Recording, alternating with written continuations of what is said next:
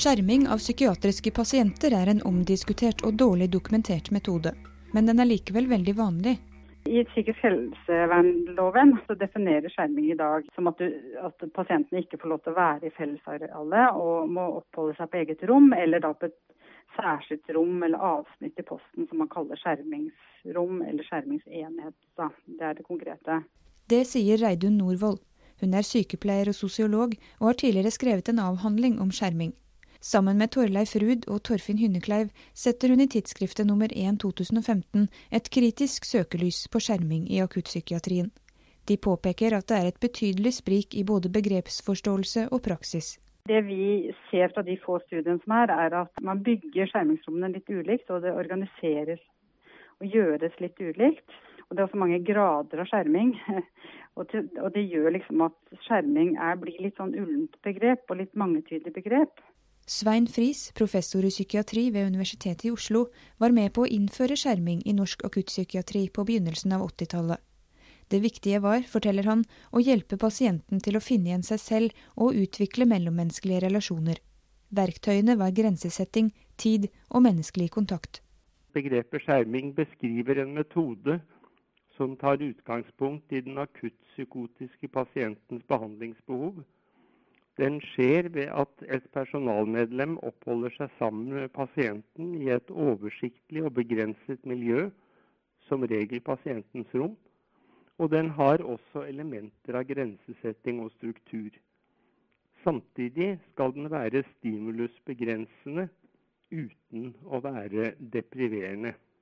Det var den definisjonen vi hadde, og vi brukte jo det i klar kontrast til det som ble het, eh, kalt isolering, som vi veldig sjelden brukte, hvor folk ble låst inne på et rom uh, uten nødvendigvis å ha kontakt med personalet. Et veldig viktig element var jo denne uh, topersonkontakten. I en lederartikkel i tidsskriftet skriver han at den ene forutsetningen, varigheten, gradvis ble underminert utover 80-årene. Akuttavdelingene måtte skrive ut pasientene stadig raskere. Det hadde naturligvis en god del eh, fordeler. Men vi så jo at det gradvis ble en økning i reinnleggelser. Det var det ene. Men det andre var at det gjorde noe med selve miljøet i avdelingen.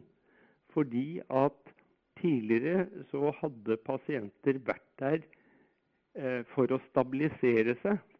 Og Dvs. Si at pasientene kunne fungere som kulturbærere.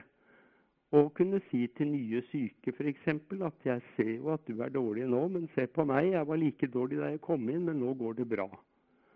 Etter hvert ble det jo slik at de som var i stand til å si sånt, de ble skrevet ut. Slik at det ble mindre vekt på mellommenneskelig kontakt og mer på, om jeg kan bruke et sånt uttrykk, å håndtere patologi. Skjerming er utbredt. 1500 voksne pasienter ble skjermet i 2009. Mange av dem opplevde skjerming som straff og tvang, mer enn behandling og støtte. I noen tilfeller så kan jo pasienten gå ut og inn av skjermingsrommet som du selv ønsker, og styre dette selv. Da har jo skjerming mye mindre grad av tvang. Men i mange tilfeller, og de fleste tilfellene, så er det sånn at pasientene må være inne på, på, dette skjermingsrommet. Altså at de er lukket inne selv om personalet er til stede. Og at de har store begrensninger i kontakt med andre, om, omverdenen. Venner, familie, medpasienter. Og det er mange restriksjoner. I tillegg så opplever mange tvangsmedisinering og belter og sånn på skjermingsrommet. Som understreker kanskje følelsen av tvang. Og det er veldig liten selvbestemmelsesrett på skjermingsrommet. Og det gjør jo at skjerming har mange tvangsaspekter ved seg. Men det er en veldig komplisert metode, fordi den inneholder både behandlings- og tvangsaspekter. Og det gjør det mye vanskeligere å forholde seg til. I de få studiene som er gjort, kommer det fram at varigheten på skjermingen varierer mye. Fra en time til uker, måneder og i visse tilfeller år. Indikasjonen varierer også, men dreier seg ofte om reduksjon av stimuli, observasjon, selvskading, uro og avvikende atferd. Interiøret i skjermingsrommet er ofte nakent, og det beskrives både formell og uformell bruk av fysisk makt for å overholde innelukkingen. Men det finnes altså svært lite forskning som kan si noe om denne behandlingen har effekt. Norvoll kan fortelle at det nasjonale akuttnettverket er i ferd med å gjøre noe med dette. Og Det er jo nå et større skjermingsprosjekt ved akuttverket.no, som de gjør.